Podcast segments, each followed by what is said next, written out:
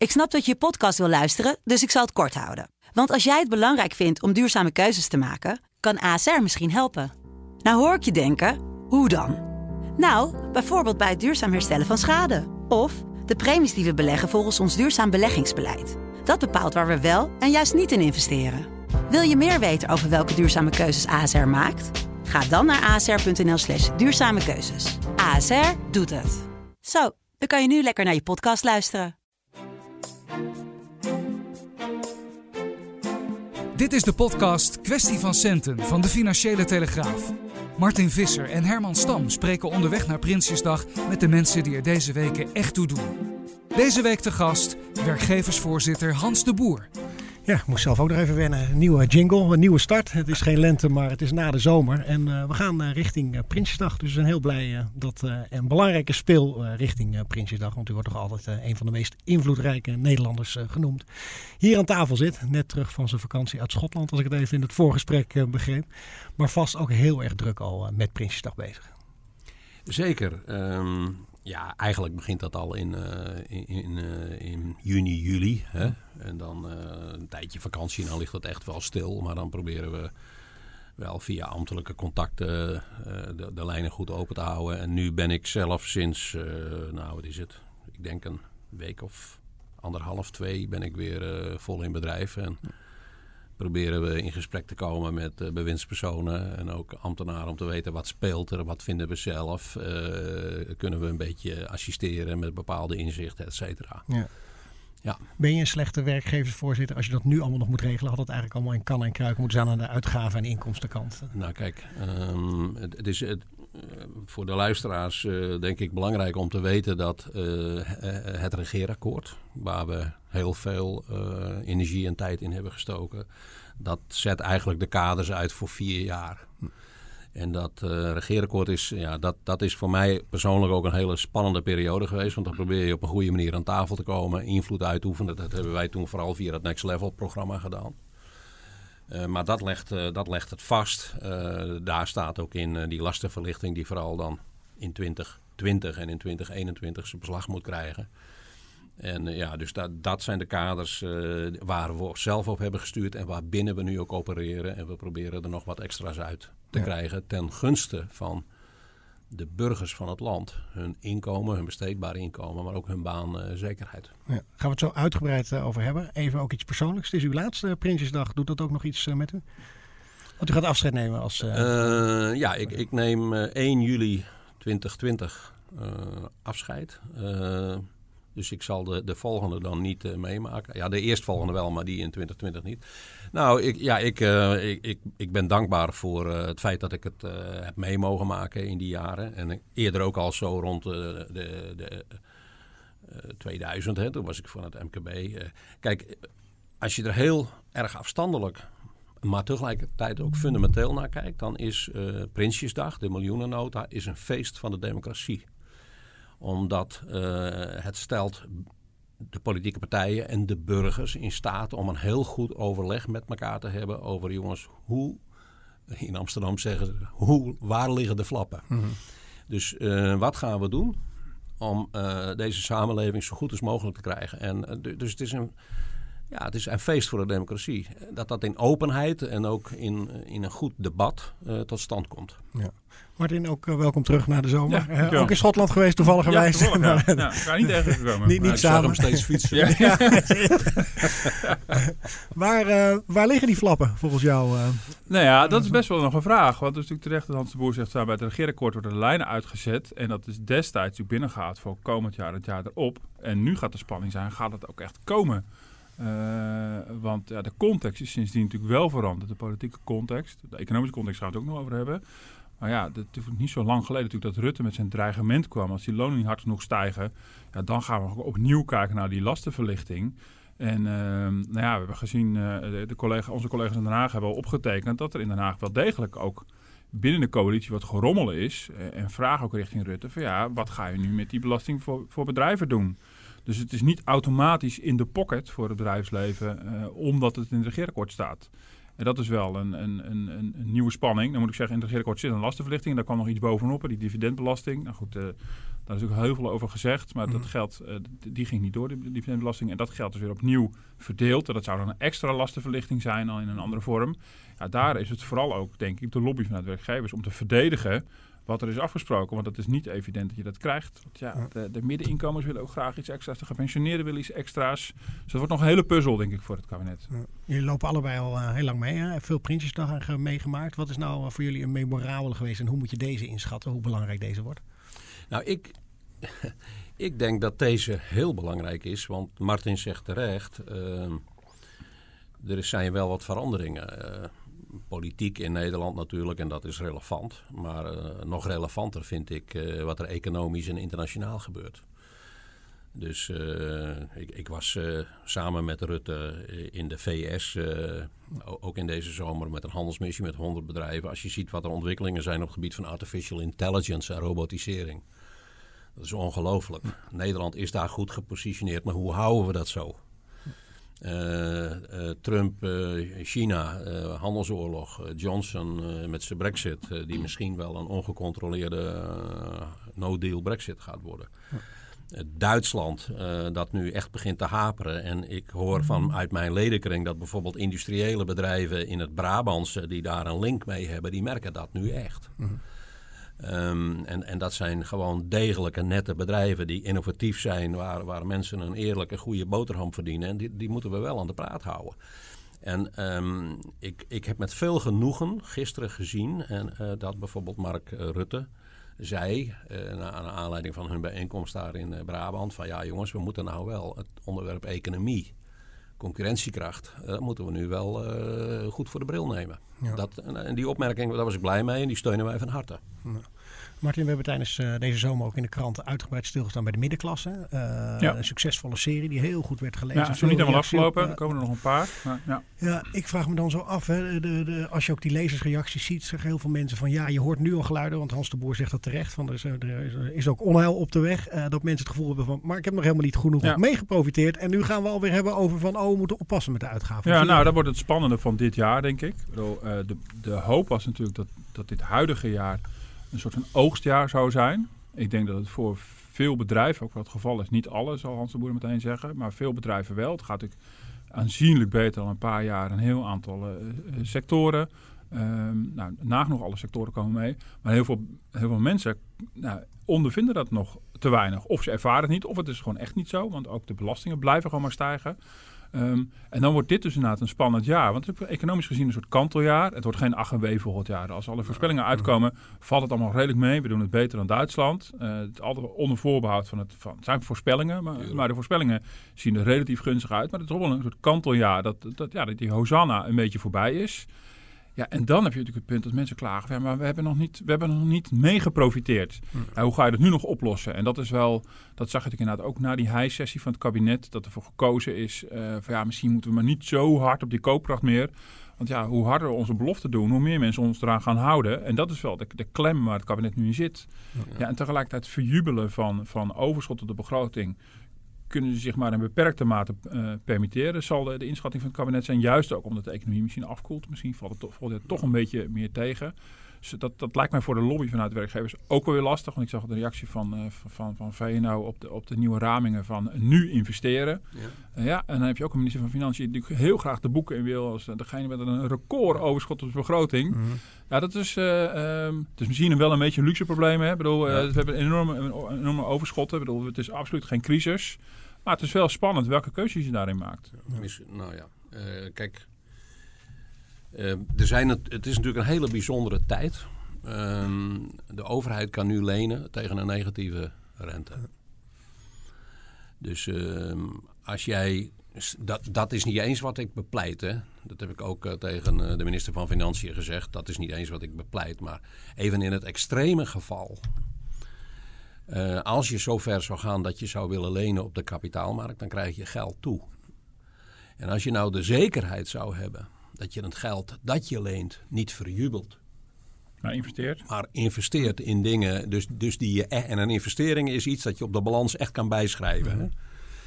Dus uh, dat ga, dan hebben we het over spoorinfrastructuur, uh, klimaatinvestering, uh, een schiphal op zee, ik noem maar dat soort mm. dingen. maar ook research and development. Als je dat zeker zou weten, dan verjubel je het niet, maar doe je het goed voor de economie. Nou, deze, zo'n omgeving hebben we eigenlijk nooit gekend. Mm. En die, noopt wel tot een wat fundamentelere beschouwing over wat willen we nou eigenlijk doen met dit gegeven en met onze economie. Maar dat zie maar, ik eerlijk gezegd niet. Maar wacht, nee, maar wacht even, uh, meneer Visser. de, nou, nou zeg ik nog geen eens, en VNO-NCW zegt nog geen eens tegen het kabinet, ga lenen, creëer een tekort. Dat zeggen we nog niet eens. Wij zeggen, en daarmee proberen we het ministerie van Financiën en ook... Uh, onze voortreffelijke minister van Financiën goed in het zadel te houden. Wij zeggen van nou weet je, als je nou eens dat half procent overschot wat nu wordt geraamd, als je daar nu eens de helft, dus dat is een kwart, als je dat nou eens zou toevoegen aan een investeringsfonds, een toekomstfonds, dat zou je kunnen toevoegen voor een deel aan het MIRT, dat zijn die infrastructuurinvesteringen, uh, voor een deel aan artificial intelligence en nog een paar van die posten, dan, dat je dat echt hard afkadert met elkaar. Mhm. Dan doe je bovenop de dingen die je hebt afgesproken in het regeerakkoord. En dat is, dus die lastenverlichting moet nu volgend jaar gaan gebeuren. Mhm. Voor burgers en bedrijven. Doe je wat extra's en maak je het land gereed voor toekomstige generaties. En ja, dat is nu de slag die we moeten maken. En uh, dat, tenminste, daar zijn wij voorstander van. En dan heb ik voor de zomer uh, heb ik een pleidooi gehouden voor een balansakkoord. Um, dus we hebben uh, ja, het, het pensioenakkoord natuurlijk gesloten met veel vijven en zessen en ten koste van heel veel nachtrust. Um, wat mij is opgevallen in de jaren dat ik hier nou als voorzitter mag acteren is... Nederland is altijd vol enthousiasme als het gaat over akkoorden over zeg maar, de verdelende kant van de economie. Mm -hmm. Maar ik zou ontzettend graag een balans zien tussen verdeling aan de ene kant en verdienen aan de andere kant. Mm -hmm. En zo'n balansakkoord, ik heb dat ook met Han Busker besproken en het is in de SER aan de orde geweest. En de, de, de partners, sociale partners, willen daar over gaan praten. Want iedereen ziet, ook de vakbeweging, ja, verdelen is een goed en belangrijk ding. Maar we moeten ze wel verdienen. En um, ja, dat, die combinatie, dus verdienen, verdelen en daartussenin eigenlijk een beetje zeg maar op de rand van de munt. Uh, onderwerpen als uh, onderwerpen als onderwijs, want die zit er een beetje tussenin. Die is en heeft en een verdelingsaspect en een investeringsaspect. Onderwijs, maar eigenlijk de hele semi-publieke sector, zorg, et cetera, daar nog eens een keer goed naar kijken. En daar ligt een gigantische, mooie uitdaging, waar Nederland heel veel goed voor gepositioneerd is. En het zou verdomd jammer zijn als het kabinet nu, na twee jaar, die dingen niet zou oppakken. Dus dat is eigenlijk onze lobby. Van jongens, laten we op een evenwichtige manier um, ambitie tonen voor dit land, voor de burgers van dit land. En dat is het betoog. Het kan. Financieel zijn we op orde, economisch zijn we een ijzersterke economie. Dat zouden we nu moeten. Ik onderbrak vrij vroeg al, omdat, ik zeg, omdat ik die fundamentele analyse eigenlijk niet zo zie. En ook, ik zie ook geen aanwijzing dat die gemaakt wordt. Um, ik denk dat het kabinet tevreden kan zijn dat, dat het klimaatakkoord en pensioenakkoord uh, er is. Het is allemaal nog helemaal niet af. Maar dat waren echt twee belangrijke pijlers. Um, maar een, een, ja, een gedegen visie over in, in, in welk, welk tijdvak staan we nou eigenlijk? Wat betekent dat zo'n rente negatief is? Uh, waar, waar, uh, waar gaan we in de toekomst ons geld mee verdienen? Nou, dat, dat, logisch dat vanuit Hans de Boer daar een investeringsvraag uitkomt. Maar die vragen, die zie ik eigenlijk niet. En nee. mij, het zou mij niet verbazen als het kabinet denkt van... nou, die twee akkoorden hebben we binnen. Als we nou de rit zien uit te zitten met fatsoenlijke cijfers... dan zijn we al dik tevreden. Nou ja, nu moet ik even uitkijken hoe ik het zeg. Maar uh, het zal meneer Visser een genoegen doen dat ik toch wel wat signalen heb bij een aantal uh, ministers en ministeries vandaan. Zeggen van ja, dit is toch wel een bijzondere tijd en hier mm -hmm. moeten we wat mee. Alleen het punt is de hele tijd, en uh, is de hele tijd dat in de politiek in Den Haag noemt iedereen alles investeren. He, dus uh, die mensen hadden vroeger niet van die hele hoge cijfers, denk ik voor het vak economie. Maar bijvoorbeeld een verhoging van een salaris of een uitkering noemt men dan een investering in de kwaliteit van de hmm. samenleving, weet je. En kijk, en dat moet, daar moeten we uh, gewoon, uh, jullie als journalisten ook hardhandig een einde aan maken. Een investering is iets die je kan bijschrijven op de balans. En, uh, en, en als je dat nou eens goed zou weten vast te leggen, dan zou je die kant op moeten. En ik wil er ook heel graag ja, op door. We hebben nu bijvoorbeeld die pas, die stikstofdiscussie, echt een groot probleem. Of voor de korte termijn in elk geval, misschien ook van de lange termijn. Ik heb tegen de minister van uh, INW gezegd van... je moet nu dingen doen die het land als het ware beter bereikbaar kleiner maken. Zorg dat die hoge snelheidslijn wordt doorgetrokken naar Groningen. Dat men in een uurtijd vanuit Groningen in Amsterdam kan zijn. Mhm dan kan je, zeg maar, dat is het, dan kan je uh, het noorden ook beter benutten voor investeringsprojecten. En heb je, zit je minder in die stikstofklem of in die ruimteklem van de Randstad. Dat geldt voor een spoorverbinding naar het noorden, maar dat geldt ook voor een spoorverbinding naar de regio Eindhoven. Die, die mensen daar, dus onze high-tech cluster, geweldig, provincie Brabant, super. Die mensen moeten gewoon binnen het uur op Schiphol kunnen staan. Dat geldt voor een spoortraject uh, wat zeg maar door uh, Midden-Nederland en het oosten zo naar Berlijn toe loopt. Die kant op. En daar, dat geld is er nu. Je hoeft er niet eens voor te lenen, maar als je zou lenen krijg je geld toe.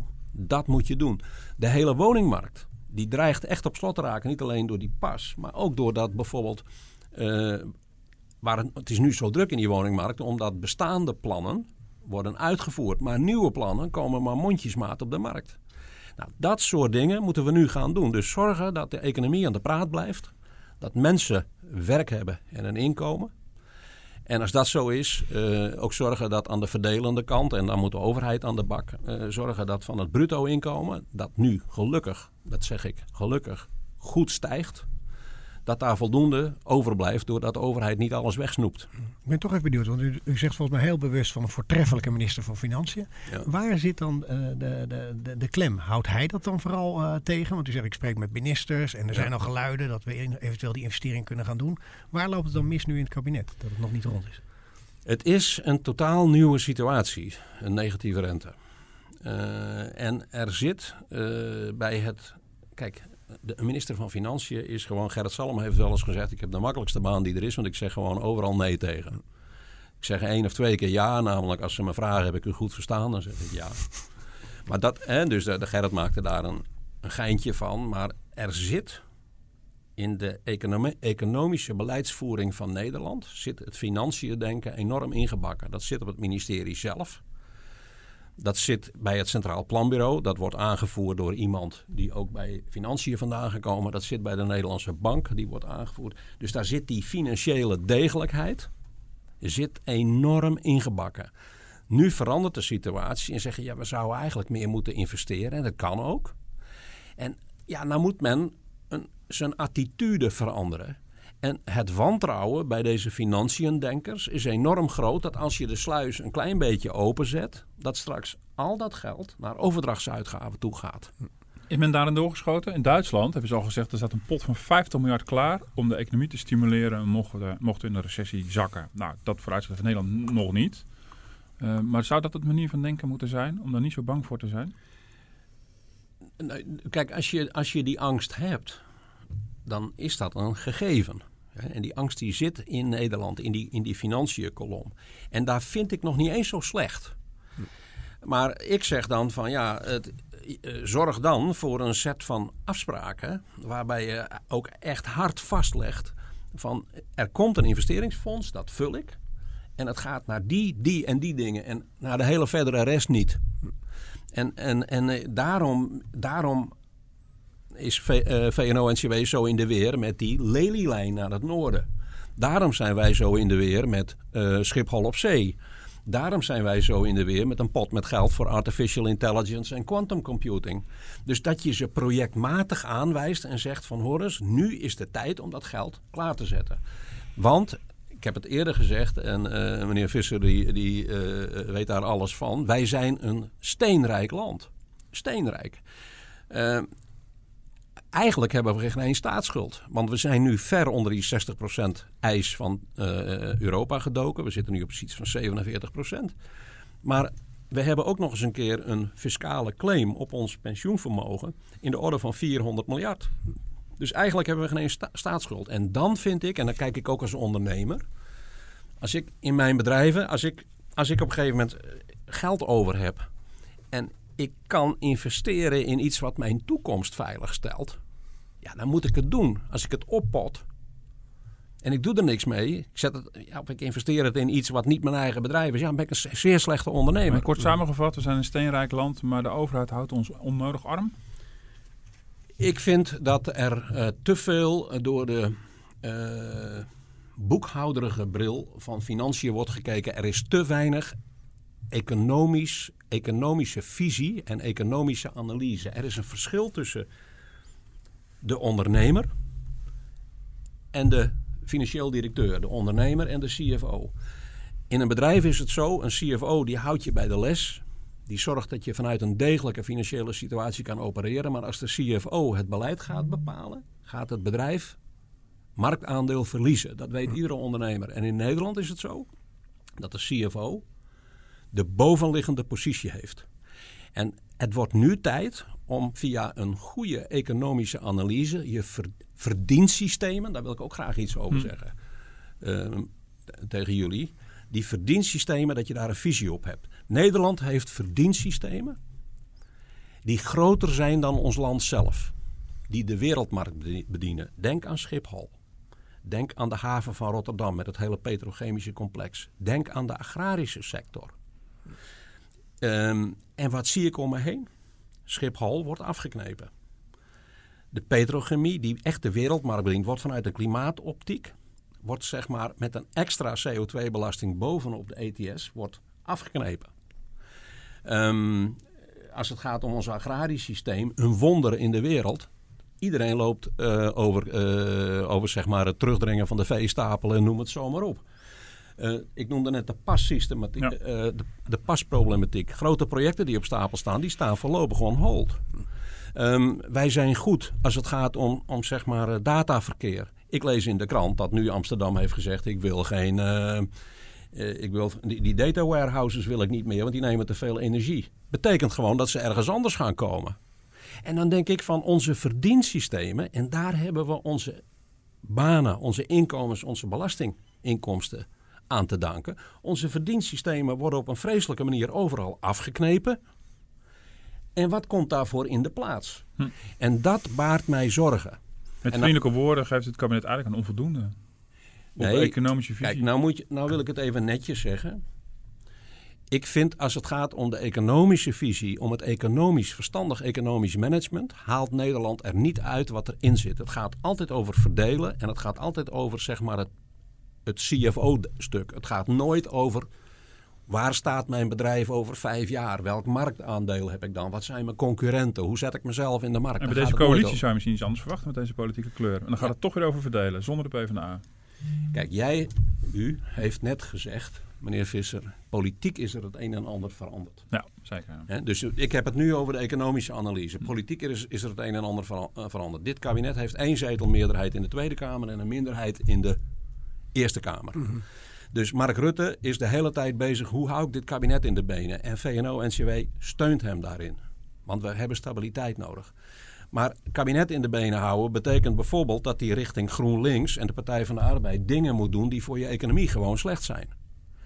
En dan zeg ik, dus, dus hij zit in een situatie hm. die wij met z'n allen hebben gecreëerd. Want wij hebben gestemd voor de Tweede Kamer. En voor de provincie en daarmee voor de Eerste Kamer. Wij hebben met z'n allen gestemd en wij hebben voor die versnippering gezorgd. En er zijn gewoon mensen in Nederland die wel weten af te knijpen op economische sectoren, maar die geen sjoegen hebben van wat het dan wel moet worden. En dat baart mij zorgen. En, dan, en, en soms denk ik, ik lijk verdorie wel de enige in het land die daar de hele tijd over begint. En ik, dat is mijn, u vroeg me van hoe kijk je terug op zes jaar? Wij zijn met dat next level verhaal gekomen. Dat was mijn kindje. Dus Nederland als gewoon een goede, glanzende economie neerzetten. Die banen creëert waar onze kinderen straks ook willen werken.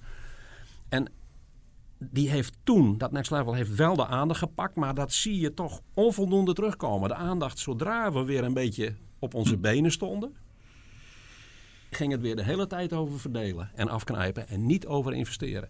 En ik vind het interessante dat nu aan bijna het einde van mijn periode de economie weer kantelt. en nu die verdienkant de aandacht moet krijgen. Maar ik zeg er één ding bij, dat heb ik geleerd. Toen wij dat next level verhaal kwamen, toen we daarmee kwamen, de verdienkant van de economie, Nederland als glanzende economie, hebben wij de hele sociale paragraaf blanco gelaten en tegen de vakbeweging gezegd: zullen we het samen doen? Er is geen donder van terechtgekomen. Dus dit praat ik over een jaar of vier geleden. Geen donder van terechtgekomen. Nu gaan we weer opnieuw. En dan zeg ik van, en nu wil ik een balansakkoord. Dus ik wil samen met de vakbeweging, misschien in serverband, wil ik die economie, die groeikracht, die wil ik accent geven en tegelijkertijd met hun gaan praten, ook over de verdeelkant. En dan ben ik niet te beroerd om te zeggen, dan wil ik het ook over beloningssystemen hebben. En dan wil ik het ook hebben over een nieuw belastingssysteem. Wat eerlijk is en wat stimulerend is voor mensen om te werken. En daar geld aan over te houden. En die kans hebben we nu. Dus het zou verdomd jammer zijn als dit kabinet nu op zijn handen gaat zitten en zeggen van nou, ik heb een pensioenakkoord. Ik heb een proeven van een klimaatakkoord, want iedereen heeft het over een klimaatakkoord, maar ik heb er nog niet voor getekend hoor. Die heb ik. En dat, dan staat ze op een handen. Er liggen geweldige uitdagingen. En daar kan het kabinet heel veel eer mee inleggen. En ik weet zeker, sociale partners gaan het kabinet daarin helpen. Er zullen heel veel luisteraars denken van ja, dat snap ik wel, die uh, uitgavenkant. Dat is makkelijk praten misschien van de werkgeversvoorman. Maar wat heb ik er zelf aan als middenklasse? Hoe ga ik mijn salaris omhoog zien komen? Dan komen we in een discussie. Ja. Mark Rutte heeft u wat verwijten gedaan van ja. uh, we zien er te weinig in. En jullie moeten over de brug komen. Hoe, hoe, hoe kijkt u daar? Nou ja, laten we eerst nog eens even vaststellen, want zelfs ik ben enigszins ijdel. Dat, dat debatje wat ik had met Mark Rutte over zijn toespraak in Aalsmeer, dat heb ik glansrijk gewonnen. Want hij zei een paar dingen die uh, inhoudelijk uh, was hij daar op dat moment niet op zijn sterkst. Hij verbond een paar dingen met elkaar die niet klopten. Uh, dat is één. Het tweede is, um, wat je ziet is dat in nou, acht tot, tot, tot tien jaar tijd is de collectieve lastendruk met 3 procentpunten gestegen. Van 3, 4 procent, van 25 naar, naar 29 procent. Dat betekent dat we met z'n allen ten opzichte van 10 jaar geleden 30 miljard euro meer betalen aan belastingen en premies. Dat betekent voor alle werkenden ongeveer een 300 euro in de maand. Dus alles wat ze erbij gekregen hebben, is in, in de ruif van de collectieve sector weer verdwenen. En daar geeft, geven alle economen mij gelijk in. Dat is een feit. Nu is er geld, dus moet die lastenverlichting komen. Dat is één. Dan zegt hij van ja, jullie bruto lonen stijgen niet genoeg. Kijk, uh, wij, uh, dus onze, onze CAO-club, onze werkgeversclub eh, AWVN, ziet nu dat eh, de contractlonen, dus de CAO-lonen, stijgen nu met ongeveer 3, 3,1, 3,2 procent per jaar. Maar in een krappe arbeidsmarkt gaat daar de factor incidenteel, dus een bonusje, een toelage, die komt daar overheen. Dus ik denk dat wij de, de komende twee jaar op een procent of vier minimaal uit gaan komen. Dat neemt het CPB niet mee in haar ramingen. Zit ook niet in de ramingen voor volgend jaar. Dus wij doen nu ons werk. Dus burgers zullen ook zien dat zij een hoger loon gaan krijgen. En nou moet fin uh, financiën, uh, de overheid moet daar overheen komen en moet de beloofde lastenverlichting in het regeerakkoord gestand doen. En dan zullen we dat ook in de portemonnee terugzien, besteedbaar. En dan gaat dat een extra stimulantie geven in 2020 om die economie overeind te houden. Dus ik heb tegen de heren bewindslieden gezegd: het regeerakkoord, achteraf een zegen, heeft het een beetje in zich, als ze de afspraken gestand doen, om een beetje contracyclisch uit te gaan pakken. Want die lastenverlichting komt in 2020 en 2021 en dan hebben we hem net nodig. Hm. En werkgevers, dus ja, dus ik krijg binnenkort weer een probleem, want die arbeidsinkomensquota loopt terug, de winstgevendheid loopt wat terug. Dus, maar ik zeg van, hoor eens, jongens, ik ben ook econoom. In een krappe arbeidsmarkt we kunnen erover koeren wat we willen, maar in een krappe arbeidsmarkt, als, als ik iemand vast wil houden die elders meer kan verdienen, moet ik meer betalen. Mm. En zo hoort de economie ook te werken. En ik vind het goed voor werkenden dat zij nu een tijdje de mogelijkheid hebben om meer inkomen uit de markt te halen. Ook ten koste van de winst bij ons. En is die lastenverlichting die in de boeken staat, is dat voldoende voor volgend jaar? Of, of zou dat een moment moeten zijn naast die investeringen waar u voor pleit, om ook rondom lastenverlichting echt iets extra's te doen? Nou ja, kijk. Kijk, ik zou me kunnen voorstellen dat je twee dingen doet en het geld daarvoor is er in ruime mate. Ik zou me kunnen voorstellen dat het kabinet zegt van nou, ze gaan het niet doen hoor. Maar ik zou me kunnen voorstellen dat je zegt van nou, ik haal de lastenverlichting die voor 2021 in de boeken zit, die haal ik ook naar voren. Hm. Voor bedrijven en voor consumenten? Ja, nou ja, dat zou het mooiste zijn. Maar ik zou me houden aan de afspraken. Want weet je, één zetel meerderheid. Hoe lang hebben ze met z'n allen niet over dat regeerakkoord gedaan? Ik zou daar geen steentjes uittrekken. Ik zou me houden aan die kaders. Ik zou, maar ik zou ze misschien wat naar voren trekken. En ik zou iets extra's doen. En de argumentatie daarvoor zit in de buitenwereld. Wat er allemaal gebeurt. Maar ook in het feit dat we negatieve rente hebben. Ik zou iets extra's doen aan de verdienende kant van de economie. Bent u niet bang dat in die, uh, dit hele sentiment hè, van de beschuldiging richting werkgevers van jullie komen te weinig over de brug. Dat, uh, ja, maar dat is niet waar. Nee, dat, dat, ja. maar in dat sentiment dat bijvoorbeeld ook uh, een beloofde verlaging van de winstbelasting, dat die dan meer op het spel komt. Dat, het, dat jullie dat eigenlijk niet tegemoet ja. Kijk, daar had de heer Visser het over in het begin van, van dit gesprek. Hè, want die heeft dan dingen gehoord in. Hè, en die zegt van nou, dit kan nog wel eens een dingetje worden. Mm-hmm. En dat kan inderdaad nog wel een beetje politiek theater worden. Want Mark Rutte heeft dingen gezegd daar. En ja, ik hoorde iemand zeggen op het Binnenhof, die zegt van ja, de VVD heeft zijn eigen schuurtje in brand gestoken. Dat gaan wij niet blussen. Hm. He, dus, maar dat zie ik meer als een politiek spel. Ze gaan nog even moeilijk maken de komende weken. Ja, het gaan, niemand gaat hem helpen. Want nee. dat is de politiek. Uh, maar, maar er is geen coalitiepartij die echt dat, dat, ik, dat, dat, wil terugdraaien. Nee, ik heb hem gisteren horen zeggen van... horen ze, het wordt tijd dat we ons wat meer zorgen gaan maken over de economie. Hm. En daar ben ik met hem eens. Ik, ik heb je het verhaal verteld van de verdiensystemen van Nederland. Die zijn groter dan Nederland zelf. We zijn een zeer welvarend land, daar ben ik blij mee. Want dat heeft mij in staat gesteld om als eenvoudige jongen uit Friesland vandaan te kunnen gaan studeren en daarvan te profiteren. Maar het gaat mij erom dat onze kinderen en kleinkinderen, dat die straks in een land wonen dat op orde is. Dat meedoet in die technologierace. Dat zeg maar als het gaat om logistiek. Uh, de functies die wij hebben op het gebied van voedselvoorziening in de wereld. Research and development en zo meer. Een land dat er staat.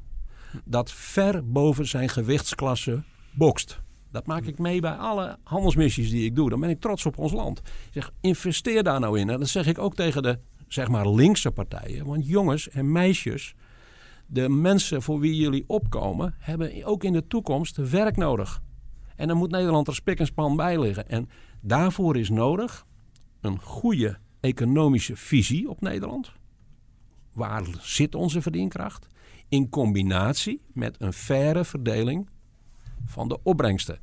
Vandaar nogmaals, ik zou dolgraag zo'n balansakkoord willen zien. En ik denk, kijk, Martin Visser zegt van ik zie te weinig vanuit de politiek die visie, die inhoudelijke mm -hmm. visie. Kijk, dan zeg ik, ik uh, dan moeten wij als sociale partners daar maar eens een uh, flinke duw uh, tegen die boot aangeven. En dat zou ik ontzettend graag willen. Ja. U zegt ook, uh, onder het klimaatakkoord heb ik nog geen handtekening gezet. Onder het pensioenakkoord hebben jullie wel een handtekening gezet. Uh, je hoort nu verontrustige geluiden over kortingen op pensioenen. Ja. staat u eigenlijk nog achter die, die, afspraken? Ja, kijk, daar sta ik ontzettend achter.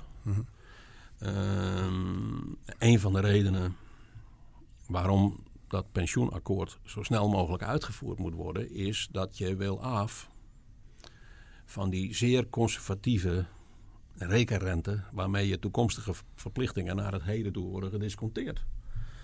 Dus je wil af van een systeem van toezeggingen naar een systeem van inleggen en zorgen dat we mensen profiteren van die rendementen. Het is aan de burgers van dit land niet uit te leggen dat hun pensioenfondsen 1500 miljard in kas hebben. Dat die rendementen maken jaar in jaar uit van tussen de 5 en de 7 procent. En dat ze toch gekort moeten worden. Dat is aan de mensen niet meer uit te leggen. Vandaar de verandering in het systeem. En ik zou, er, uh, ik zou in wat er nu gebeurt een extra aanleiding zien om versneld datgene wat we hebben afgesproken nu ook te implementeren. Maar wat doe je dan met die kortingen die er nu aan zitten te komen? Je kan niet zo snel implementeren dat die kortingen voorkomen kunnen worden. Nee. Ehm, kijk, afspraken zijn afspraken. Uh, dus uh, zolang, uh, zolang de veranderingen niet zijn doorgevoerd, zal die kortingen zijn. Ik zou me heel goed kunnen voorstellen dat als helemaal in beton gegoten is, dan en dan is die, um, dan en dan is die, die om, omweerting van, de, van dit pensioensysteem vindt ook plaats. Mm -hmm. Dus dat moet op vrij korte termijn ook kunnen.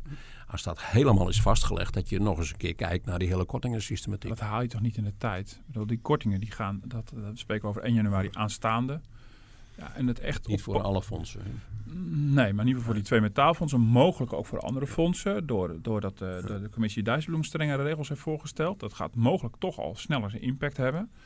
Ja, je hebt natuurlijk niet binnen een paar maanden tijd het nieuwe pensioenstelsel in uitvoering klaarstaan. Nee, dus het is toch, wat is dan het verhaal richting die mensen die per 1 januari toch gekort gaan worden? Ja, luister, uh, ik, ik kan hele ingewikkelde verhalen afsteken. Ik ben het eens met het signaal dat de heer Visser nu afgeeft. Dus dit fietst gewoon op een vreselijke manier door de noodzakelijke systeemverandering heen. En um, hier moeten we uh, ook als sociale partners nog een, een keer goed naar kijken. Ja. Nou, ik zou toch iets meer willen weten. Ja, maar, de, de FNV ik, heeft al twee pogingen gedaan om dit dus ter discussie te stellen. Ja, ja, dit gaat zoveel verder dan, dan we destijds wisten. De FNV wist natuurlijk dat de kortingen er mogelijk aan zouden komen. Maar het ziet er toch veel heftiger uit dan men zich heeft gerealiseerd in het voorjaar. Ik hou even iets achter mijn tanden, meneer Visser, als u het goed vindt. Maar ik deel uw signaal. Uw beoordeling daarvan. Ja. Ik kijk Martin nog een keer aan.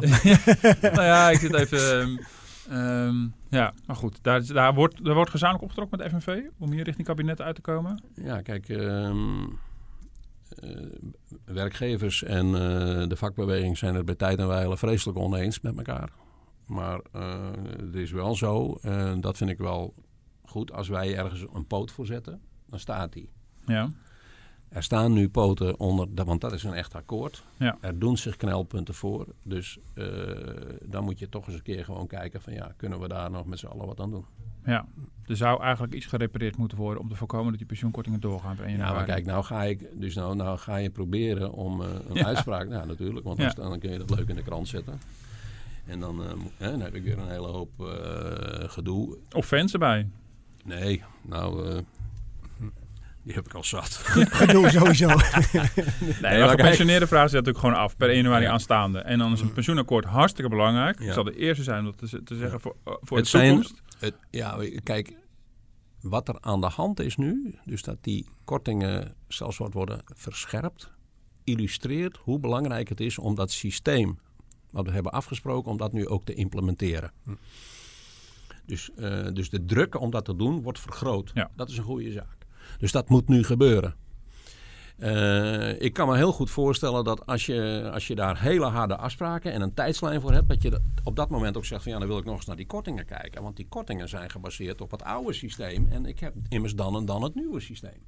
Dus ik kan me heel goed voorstellen dat in die ruimte, in die intellectuele ruimte, dat je nog eens kijkt naar de mogelijke oplossingen. Nou, meer ga ik niet zeggen. Nee, en dan zou je dus in het najaar dingen zover ja. al uitgewerkt moeten hebben dat je die zekerheid meegeeft aan Wouter Koolmees. Dat is even, oké, okay, ik weet, dus, weet zeker dat het gaat komen, dus ik kan coulanter zijn. Zoiets krijg je ja, Dus uh, als, uh, als mijn uh, zeer gewaardeerde klassevijand, de heer Busker, zich over zo'n onderwerp bij mij meldt uh, dan uh, ga ik niet zeggen van, uh, van hoor eens Han, dit en dit is de afspraak. En nee, dan met mij, ik ja. ben een redelijk mens.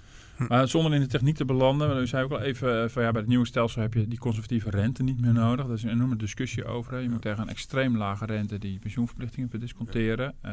nou, mensen hebben, onze lezers en luisteraars weten inmiddels ook wat dekkingsgraden en rekenrentes zijn. Zoveel hebben we natuurlijk over gemeld inmiddels. Um, Koolmees en de Nederlandse bank, de toezichthouders, staan nog steeds op het standpunt dat ook in het nieuwe stelsel gewoon conservatief gerekend zal moeten worden. Ja, dat moet je, dat, naarmate jij een systeem in de benen houdt wat meer uitgaat van toezeggingen, mm -hmm. geld die conservatieve stellingname van de, van de DNB en Koolmees in sterkere mate. Ja. Maar dat, dat robbertje moet nog gevochten worden, hoe stevig die nou ja, kijk, uh, kijk goed naar het pensioenakkoord, dat hoef ik u niet te vertellen, meneer Visser. Er staan twee varianten uh, in ja. uh, beschreven. Ja. Ik ga toch nog even terug naar Prinsjesdag. Het is, Ja. eh, het is al eh, ter afsluiting, want we zitten al eh, dik over onze tijd heen. Eh, jullie staan ook op een gezamenlijke borrel. Die is ook altijd traditioneel. Uw laatste ook eh, na Prinsjesdag. Die ken ik ook nog wel van VNO, Nou, NCW. Nou, nou, nou. nou, Nou, we niet de laatste borrel misschien. Nee, dat weet ik. Ja, ja. ja. Hoe, eh, Martin, jij staat eh, ongetwijfeld daar ook. Eh, Nou, wanneer ik moet is... toegeven, ik ben altijd aan het werk. Ja, ik bent- krijg, ja, ik ik krijg ieder jaar de uitnodiging. Mhm. En ik weet dat iedereen die ertoe doet, er is. Ja. En ik denk, ja, het is voor mij eigenlijk de onhandigste dag in het jaar. En mijn collega's in Den Haag, die piepen natuurlijk even tussentijds. En ik Ja, maar eh, hij is er ook hoor. Ja, nou ja, en... eh, eh, Vaak genoeg binnen zien ik stappen. dag hoor. later doen. Ja. Ja. Nee, maar vaak, vaak ben ik ook eh, aan het werk. Maar dat is natuurlijk wel gewoon het moment dat iedereen natuurlijk... eh, iedereen, en dan, dan zie je weer geïllustreerd wat een invloedrijke club eh, natuurlijk VNO-NCW is. Hm. Wat ook wat ook juist het Ja. laatste jaar een beetje is gaan schuren bij heel veel mensen. Van, moet, moeten dat wel zo willen? Maar je ziet natuurlijk gewoon aan, aan, aan, aan, aan zo'n bijeenkomst. Nou, eh, ja, goed, alles en iedereen is er dan. Ja. En ik denk dat Hans de Boer zich op momenten wel gaat missen hoor. Dat, eh, Nee, dat ga ik dat, maar. maar ik zei eh, je, in het begin wilde hij niet zoveel zeggen over, over zijn aanstaande vertrek. Maar, eh, Nee, maar ik zal jullie vertellen dat eh, eh, die, die borrel, want dat gaat niet om het feit dat hij nou van VNO, NCW en MKB Nederland is, daar gaat het niet om. Wat ik doe, ik, ik vraag bijvoorbeeld eh, ambassadeurs, eh, die zeggen van joh, kom ook eens. Dus dan haal ik eh, dus de, eh, de Amerikaanse ambassadeur, ambassadeur de Japanners, de- die ha- en dan zeg ik van kijk, zo wordt Nederland. Zo gaat dat in Nederland. Want op die borrel, en het kan me niet schelen dat die van, eh, maar, dat die van VNO, maar op die borrel staat de top van de vakbeweging te praten met de top van de werkgevers. Daar wandelt de minister van Financiën even naar binnen en die praat met die. Daar staan journalisten. Die staan daar met Jan en allemaal. En het is gewoon, en dat is zeg maar het feestelijke. Eh, dat- wil ik ook, eh, dat zei ik aan het begin ook, het feestelijke van dat hele eh, begrotingsproces. Dus die begroting wordt gepresenteerd, dat is een feest van democratie. Mensen kunnen zeggen, ik wil meer naar rechts, rechts ik wil meer naar links. Ze kunnen erover knokken, et cetera. Maar het gebeurt in alle openheid. En als je dan daar bovendien nog een sfeer omheen kunt leggen... waarbij mensen een biertje pakken, een bitterbal eten... en nog eens een keer met elkaar lachen... dan doen we het goed in dit land. Dus daar ben ik positief over. Nou, met die mooie woorden kunnen we denk ik eh, afsluiten. Eh, dank eh, Hans de Boer voor het gesprek en succes de komende weken. Martin ook bedankt. We gaan door in deze serie met tal van gesprekken met prominenten rond Prinsjesdag. Onder andere Willem Vermeend gaan we spreken, Kim Putters. Dat kan je horen de komende weken. Je kunt deze uitzendingen ook beluisteren op iTunes en op Spotify. En tot volgende week.